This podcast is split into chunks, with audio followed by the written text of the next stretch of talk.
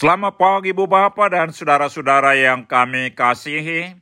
Kami dari Yayasan Badan Kerjasama Marturia mengucapkan selamat beraktivitas hari ini di dalam penyertaan Tuhan kita Yesus Kristus.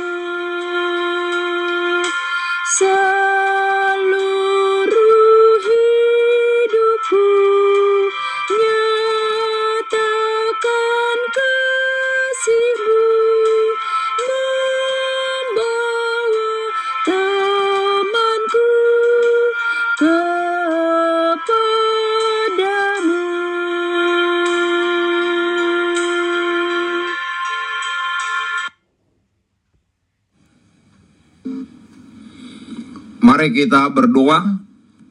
Tuhan Yesus, di pagi hari ini kami hendak mendengarkan dan merenungkan firman-Mu. Ungkapkan kepada kami kebenaran firman-Mu dan tolong kami Tuhan untuk melakukan firman-Mu dalam kehidupan kami. Amin. Saudara-saudara yang dikasihi Tuhan Yesus, firman Tuhan untuk kita renungkan di pagi hari ini terambil dari 1 Korintus 3 ayat 10 dengan tema Alkitab kitab utama bagi umat Tuhan demikian firman Tuhan. Sesuai dengan kasih karunia Allah yang dianugerahkan kepadaku, aku sebagai seorang ahli bangunan yang cakap telah meletakkan dasar dan orang lain membangun terus di atasnya. Tetapi tiap-tiap orang harus memperhatikan bagaimana ia harus membangun di atasnya. Saudara-saudara yang dikasihi Tuhan Yesus, jemaat Korintus sedang terkotak-kotak sebagai kelompok Paulus, Apolos, Kepas, dan Yesus. Mengapa? Karena mereka masih menonjolkan manusia duniawi mereka yang belum dewasa imannya. Ayat 1 sampai 4. Mereka lebih menonjolkan kepentingan duniawi. Karena itulah Paulus menuliskan surat ini untuk mengajak mereka membangun gereja sebagai tubuh Kristus, di mana semua warga jemaat dan para pelayan adalah anggota tubuh, sementara kepala gereja adalah Kristus. Gereja adalah milik Kristus yang ditebusnya dengan darahnya, jadi bukanlah milik manusia. Selanjutnya Paulus melukiskan gereja Kristus itu sebagai bangunan yang terdiri dari beraneka ragam bahan bangunan. Demikian jemaat terdiri latar belakang berbeda, suku, ras, tempat, dan budaya. Namun semuanya dikumpulkan menjadi satu bangunan yaitu gereja Kristus. Dasarnya hanya satu yaitu Tuhan Yesus. Tidak ada dasar yang lain. Dan di atas dasar itulah seluruh anggota jemaat yang beraneka ragam tadi disusun, dibangun sedemikian rupa menjadi satu yaitu gereja. Perbedaan masing-masing bahan bangunan yaitu anggota jemaat yang beraneka latar belakang itulah yang membuat gereja itu menjadi indah. Karena dengan demikian semuanya harus terikat satu sama lain, saling membutuhkan, saling memberi, saling melengkapi.